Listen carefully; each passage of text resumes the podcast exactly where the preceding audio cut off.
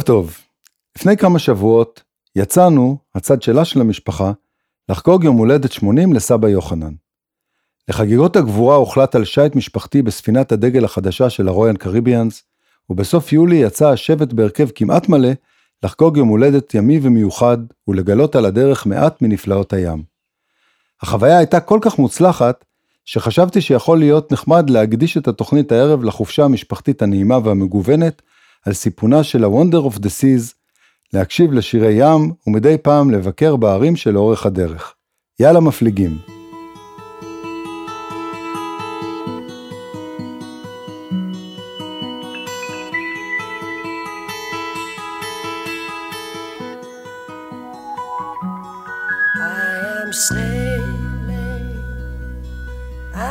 sailing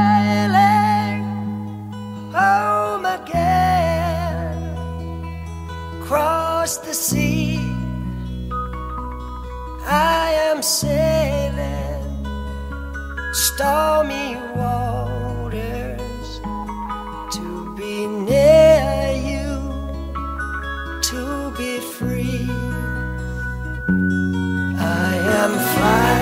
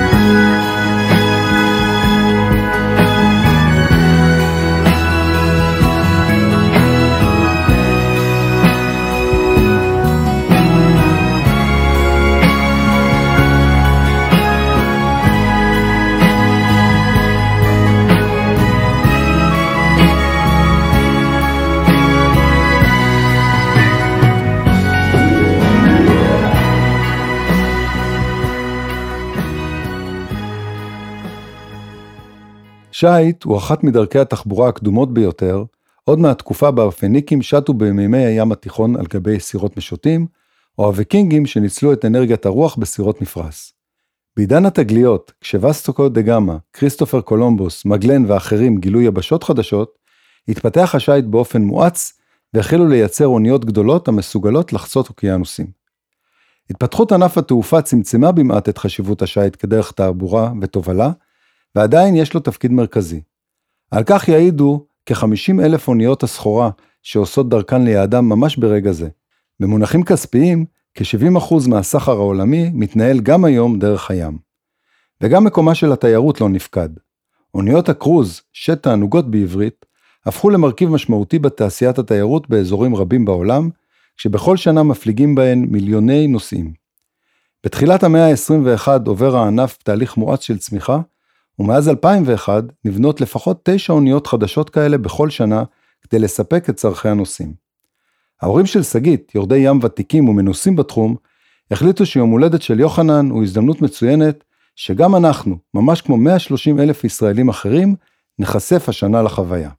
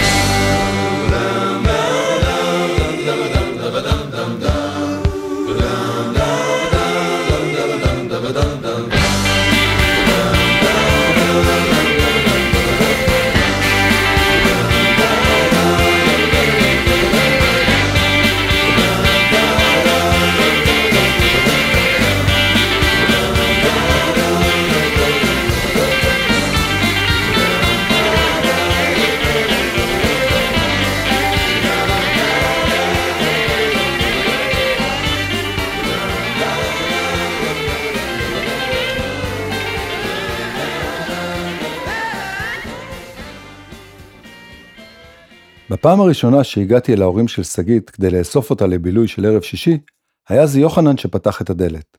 שלום אמרתי. יוחנן סקר אותי מכף רגל ועד ראש.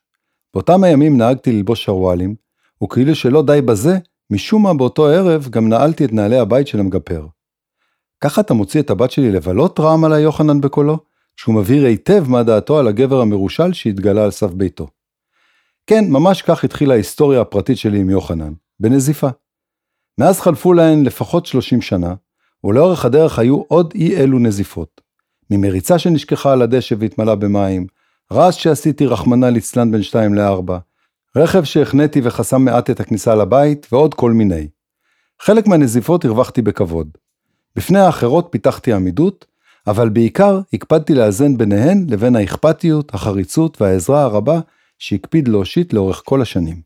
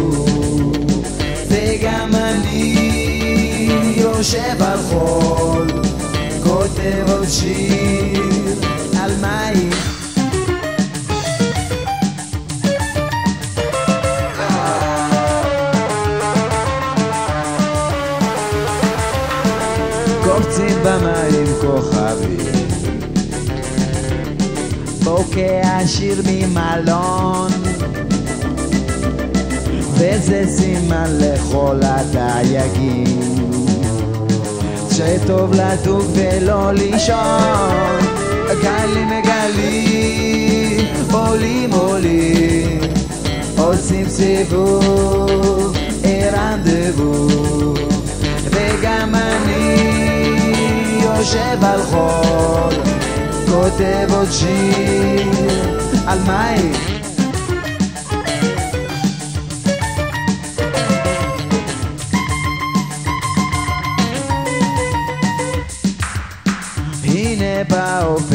ספינה דבר רגיל מן הסתם. אבל הבחנתי מיד שזו ספינת חיל הים. גלים גלים עולים עולים עושים סיבוב רנדבו וגם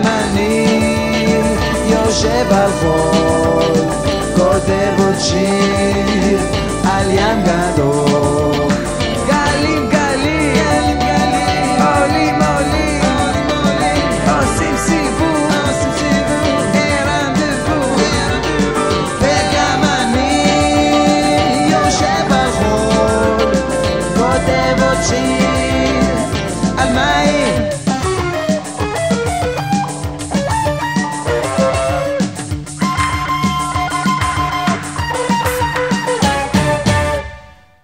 בתחילת הזוגיות עם שגית, יוחנן היה בין היתר מכונאי הבית שלנו. האיש, מכונאי מוסמך פולקסווגן, פשוט מבין במכוניות. החיפושית הראשונה שלנו, ובעצם מרבית המכוניות שבאו בעקבותיה, נרכשו בעצתו הטובה ונסעו תודות לטיפולו המסור. ואני, שבקושי מבחין בין קרבורטור לוונטיל, משוכנע שאלמלא הוא היינו הולכים ברגל עד היום. לפעמים אני תוהה מה הוא באמת חושב על החתן בעל הידיים השמאליות שהבת שלו הביאה הביתה. בכל פעם ששגית אתגרה אותי במשימה חדשה, הלכתי אל יוחנן כדי לקבל עצה או הסבר.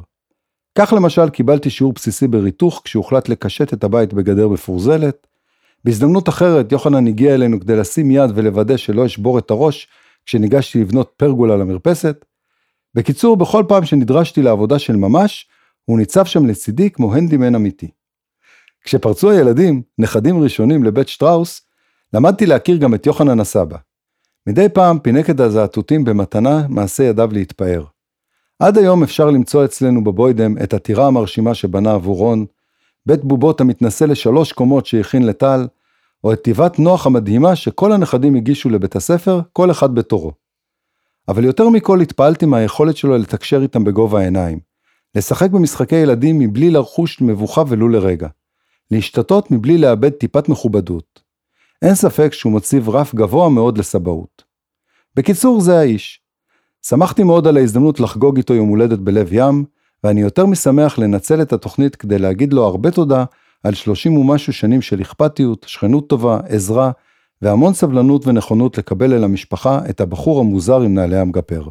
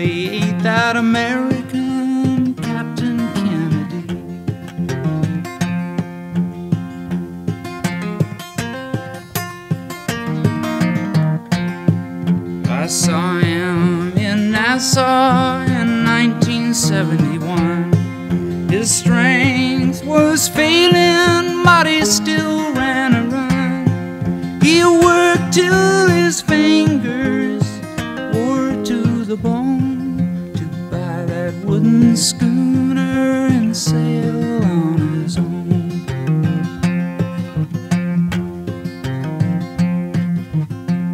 He was known in the islands as Hundred Foot Iron. That steel hull freighter time flew by faster with life on the sea, and the days grew shorter for Captain Kennedy. I am a young mariner headed to war. I'm thinking about my family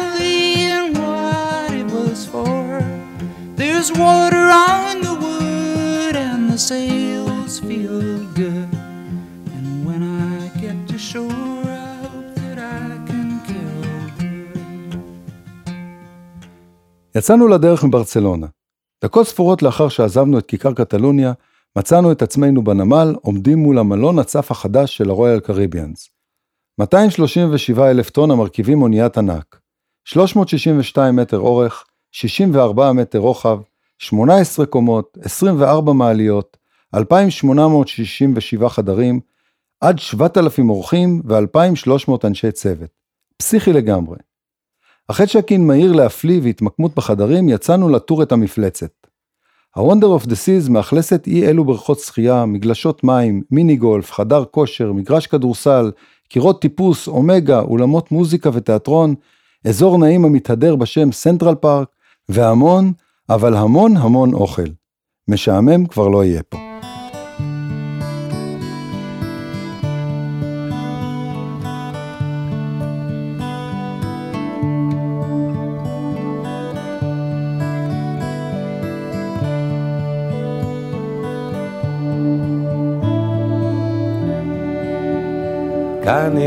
שנישאר פה לעולם, כנראה שלא נזוז מפה אף פעם. הרחובות הישנים, עצי הדקל הזקנים, בריכת דגי זהב שעומדת יבשה, ומעל הכל הים, או הקטע של הים, תמיד זה היה.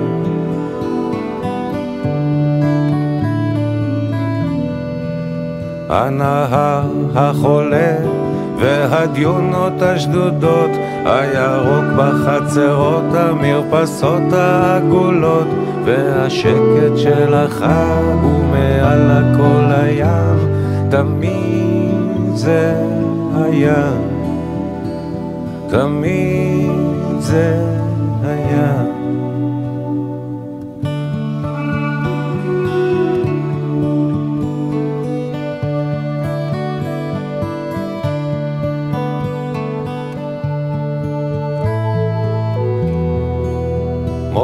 החרא הקטנים מקשטים את המדרכה, הזקנה בפינה נוברת באשפה, וכולם עם כולם מכירים את כולם, והקטע של הים תמיד זה היה.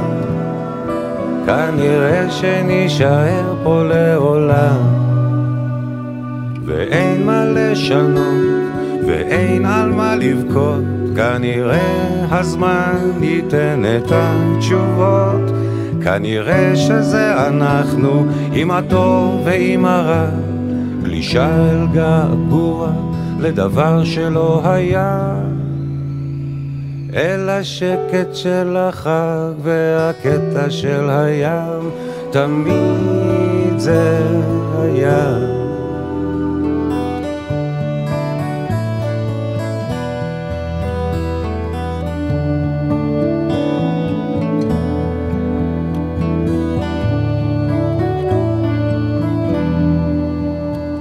כנראה שנישאר פה לעולם, כנראה שלא נזוז מפה אף פעם.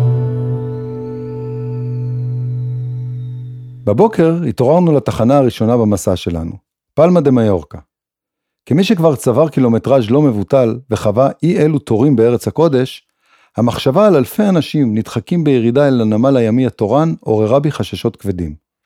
לא חששות מסוג ההילולה במירון, אבל בהחלט כאלה המתכתבים עם כניסה למשחק כדורגל, או הנחש האנושי האינסופי בנמל התעופה. אמנם חוויית הצ'ק אין המוצלח עוררה ניחוחות של תקווה, אבל החשש להתבדות היה חזק ממנה. ובכל זאת, הירידה לחוף, כמו גם העלייה בחזרה בצהריים, היו שיעור מאלף בארגון, תפעול ולוגיסטיקה. בכלל, במהלך כל אותו שבוע לא הפסקתי להתפעל מהאופן בו האונייה מתנהלת. כאילו הייתי לפחות קצין לוגיסטיקה ראשי. יעיל, חכם ומאורגן לפרטי פרטים, בית ספר של ממש.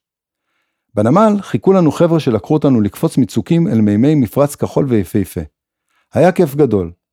האחריות על האטרקציות בתחנות השונות חולקה בין האחים והאחיות לבית שטראוס, ואמיר הצעיר שבהם סגר בעבורנו את הפעילות שהתגלתה כפחות מאיימת מכפי שנשמעה בתחילה.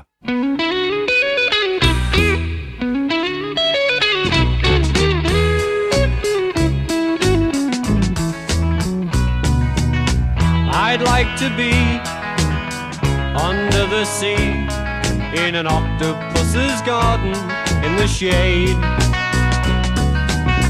He'd let us in, knows where we've been in his octopus's garden in the shade. I'd ask my friends to come and see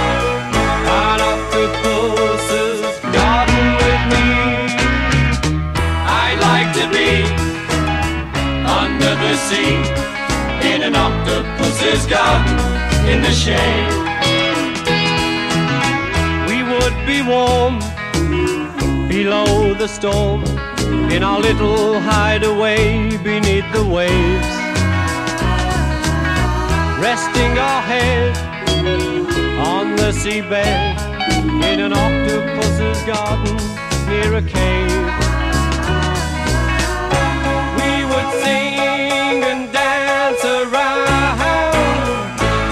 Because we know we can't be found. I'd like to be under the sea in an octopus's garden in the shade.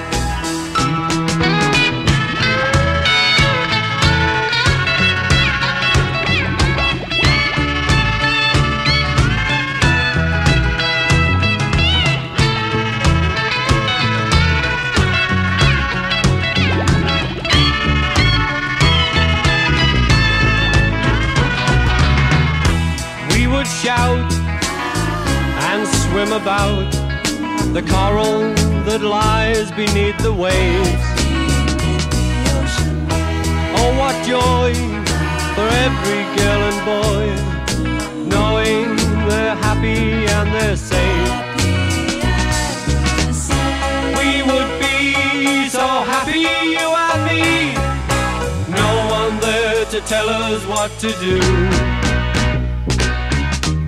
I'd like to be under the sea in an octopus's garden with you. In an octopus's garden with you. In an octopus's garden with you. אני אוהב את הים. שנים רבות שאני פוקד את חוף הים בימי שישי, כמעט בכל מזג אוויר. לבד או עם חברים, אני צורך את מנת הים השבועית שלי. בעניין הזה, אני לגמרי לא לבד.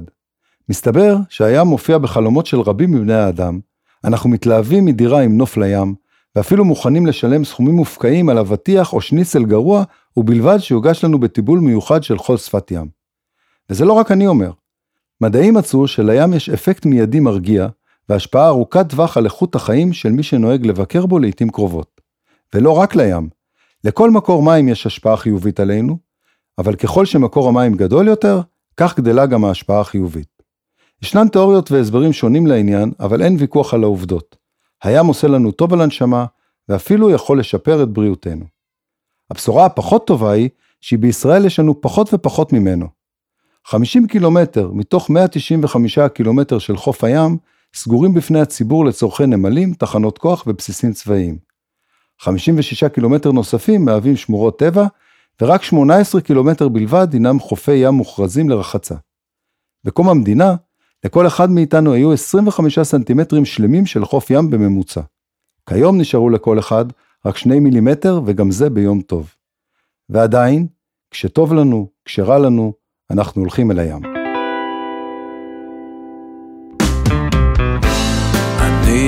נמנע ממך והולך אל הים.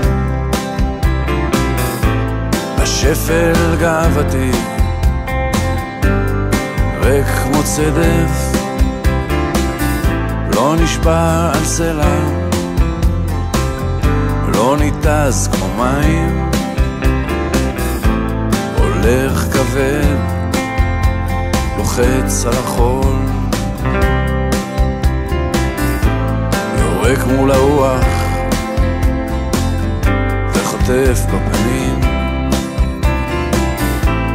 כמו בכל פעם שאני מוציא מבפנים אני נמנע ממך. אני נמנע ממך.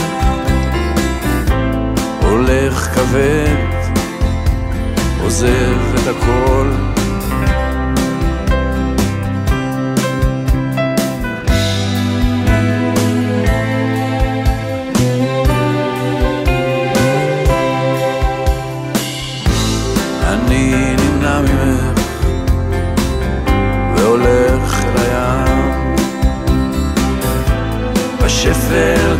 גאוותי ריק כמו צדף לא נשבע על סלע. לא ניתז כמו מים. הולך כבד. עוזב את הכל. הולך כבד. עוזב את הכל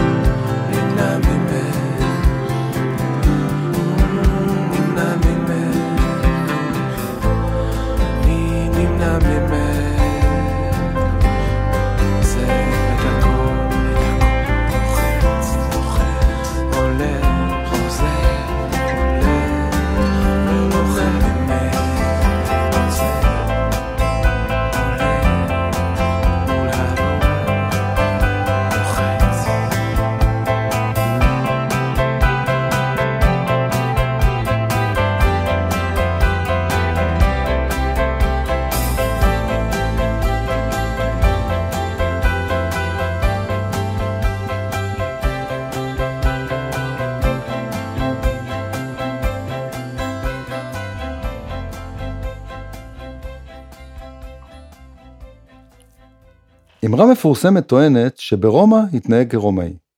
הפתגם, שמזמן אינו מתייחס אך ורק לרומא, הגיע מהקדוש סנט אוגוסטין שהיה תושב מילאנו. אוגוסטין ואימו שתכננו ביקור ברומא, הופתעו לדעת שהמנהגים המקומיים שונים מאלה שהכירו במילאנו, ולקראת הנסיעה יעצו לו להתנהג כמקובל כדי להתעמר במקום ולזכות בכבוד מהתושבים. השתכנענו. החלטנו לאמץ את הכלל והקפדנו להזיע ממש כמו כל הרומאים. 35 מעלות בצל לא מנעו מאיתנו לפקוד שוב את המדרגות הספרדיות, הפנתאון, פיאצה נבונה, הקולוסיאום ואת המזרקה המדהימה. וממש כמו בפעמים הקודמות, גם הפעם נמנענו מזריקת מטבע למימי המזרקה. אחרי הכל, זה לא הביקור הראשון שלנו בעיר, וממש לא רצינו להעמיד במבחן את השיטה הפרטית שלנו.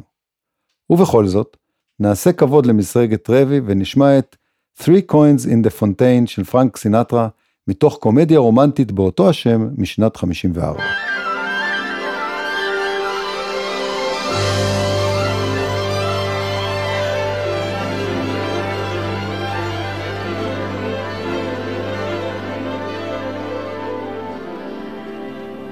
Three coins in the fountain, each one seeking happiness, thrown by three hopeful lovers. Which one will the fountain bless? Three hearts in the fountain, each heart longing for its home. There they lie in the fountain, somewhere in the heart of Rome. Which one will the fountain bless? Which one will the fountain bless? Three coins in the fountain, through the ripples, how they shine. Just one wish will be granted. One heart will wear a valentine. Make it mine, make it mine, make it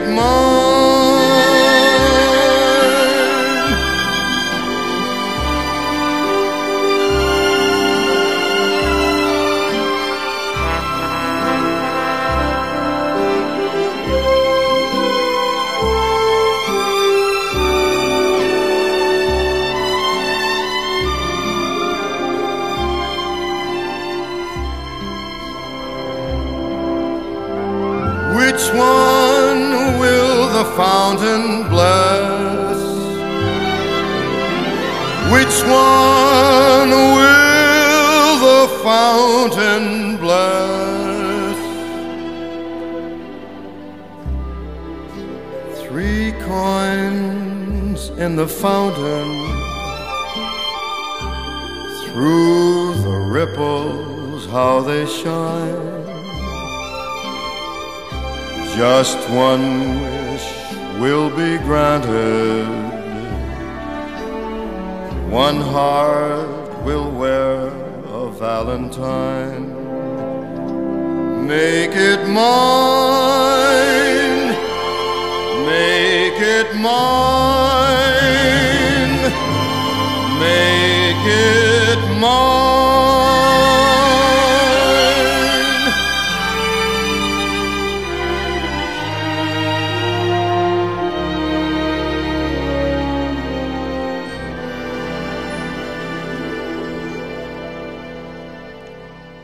ההפלגה הראשונה שלי הייתה לאתונה, בדרך לטיול הגדול במזרח. את הטיול התחלנו בהודו בקבוצה מאורגנת פיקטיבית שארגנו עבורנו אנשי החברה להגנת הטבע.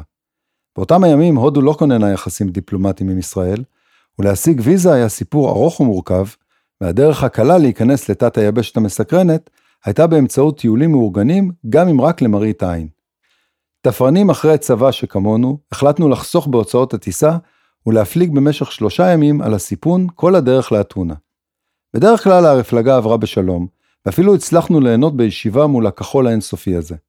אבל מדי פעם, כשפוסידון התעטש והגלים גבו מעט, התענוג החל לנדוד לזירת המפוקפק. מצד שני, איך אומר אלדד? גם שבי זו חוויה. מיותר לציין שהוונדר בהחלט סיפקה עבורי חוויה מתקנת. ואם כבר עצרנו לרגע של נוסטלגיה, קבלו את ישראל קטורזה משתלט לשלמה ארצי על ההופעה, ולוקח אותו לטיול קצר במנהרת הזמן. אני רוצה להגיד לך משהו, כשהייתי ילד קטן, תקשיבו, כשהייתי ילד קטן כל שבת עמדתי על כיסא קטן ושרתי שיר שלך למשפחה. מה שהזיכרון ילדות שלי זה שכולם צוחקים עליי. למה? למה? כי היה לי קשה להגיע ל... אתם קוראים לזה... טוב, טוב, טוב, משהו. אני אגיד לך איזה שיר, בסדר? הייתי ילד קטן ושרתי ככה. המים כחולים, המים צלולים, על חוף מטיילים, דגים צוללים, התורן למעלה, הדגל מונח. אתה לא בסולם, אתה מה, רגע, מה, אני קבלן? המים כחולים, המים צלולים, על חוף מטליות, דגים צוללים, התורן למעלה, הדגל מונח, ואני מקל ו... נו, בגלל זה צחקו עליי.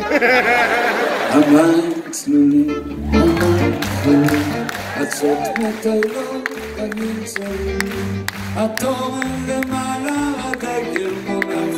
ואני מצפן ברמון שעולים, יוצא למרחב, למרחב.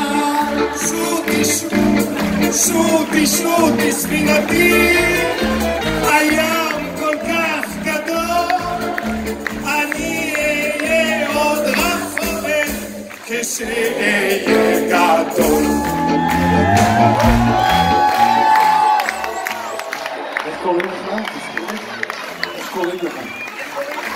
אדיר מילר. שוטי שוטי ספינתי, הים כל כך רחוק, אני אהיה עוד רחוקה, כשאהיה גדול. שוטי שוטי ספינתי, הים כל כך רחוק,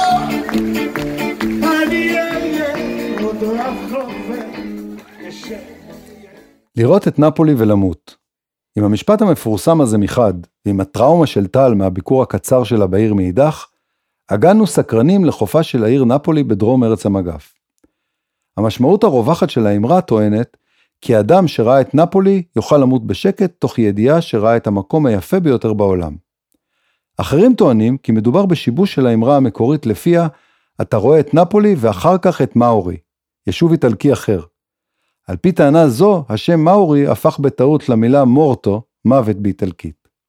קטונתי מלהכריע, אבל כמי שהתפכח זה מכבר מהביטוי טוב למות בעד ארצנו, אני מטיל ספק בביטויים שממליצים לנו לסגור את הבסטה.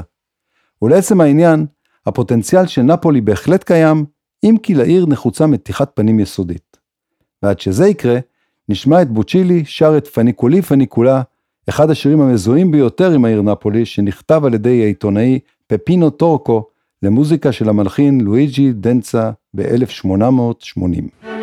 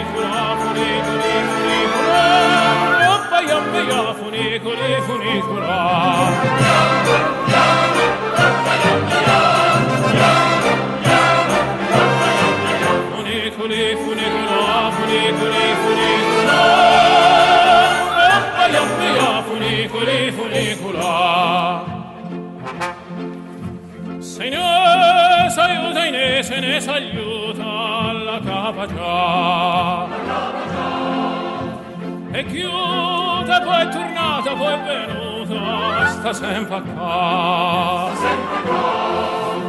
A capo, moda, moda, torna, torna, attorno a me. Lo cuore canta sempre, non adorna,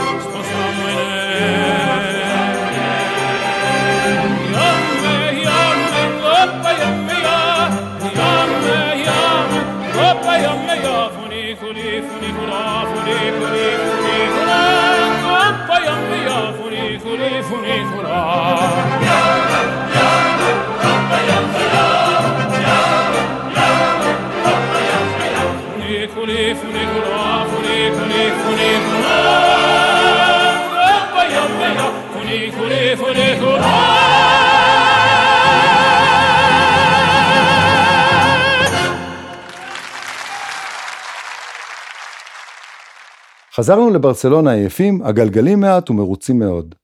כל אחד, מגדול עד קטן, מצא את מבוקשו על סיפונה של הוונדר, ובכל ערב התאסף השבט לארוחה מפנקת סביב שולחן 740. מסעדת שף משובחת, שירות מפנק, והכל ללא בעיות פקקים או חניה. את יום החופשה האחרון בברצלונה, ניצלנו לביקור מרתק במוזיאון מוקו לאומנות מודרנית, שמשמש כשלוחה של אחיו הגדול באמסטרדם, ובערב הבנים בחבורה הלכו להתרשם מהקבוצה החדשה של ברצלונה וצ'אבי ארננדס, בהיכל הכדורגל קאמפ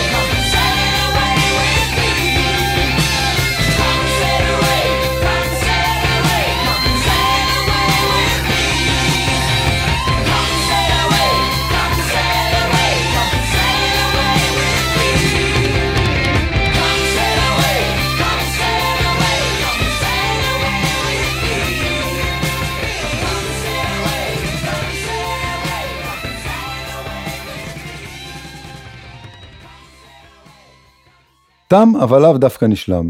מאז שחזרנו לארץ הקודש, אנו חוטאים במחשבות על סיבוב אחד נוסף בכחול האינסופי הזה, אבל בינתיים נאלץ להיפרד מעוד שעה אחת על נושא אחד, נפלאות הים. בשבוע הבא יבוא לכאן שימי קדוש עם מלא פלסטיקים מגניבים כרגיל. פיתחו יומנים ונקבע לנו דייט לשבוע הבא, בדיוק באותו היום ובאותה השעה, חמישי בעשר. נתקהל כאן כל הקומץ, כאן ברדיו האינטימי שלנו, רדיו התחנה, לעוד שעה במנהרה. תשתדלו להגיע כדי שיהיה לנו לפחות מניין. תודה למיקי שטיינר וליונתן גל שהם הטכנאים, העורכים, הסאונדמנים והמפיקים, או בקיצור, הם הם רדיו התחנה. תודה לרמי יוסיפוב, הטפיקסאי מבנימינה שמארח אותי באולפנו המשוכלל. תודה מיוחדת לשימי שאפשר לי להגג מעט בין השירים, ותודה לכם שהאזנתם. מי שלא הספיק יכול לשמוע אותנו בדף הפייסבוק של רדיו התחנה, או בפודקאסט של התוכנית שקישור אליו יעלה כרגיל בדף הפייסבוק הפרטי של שימי. יאללה ביי.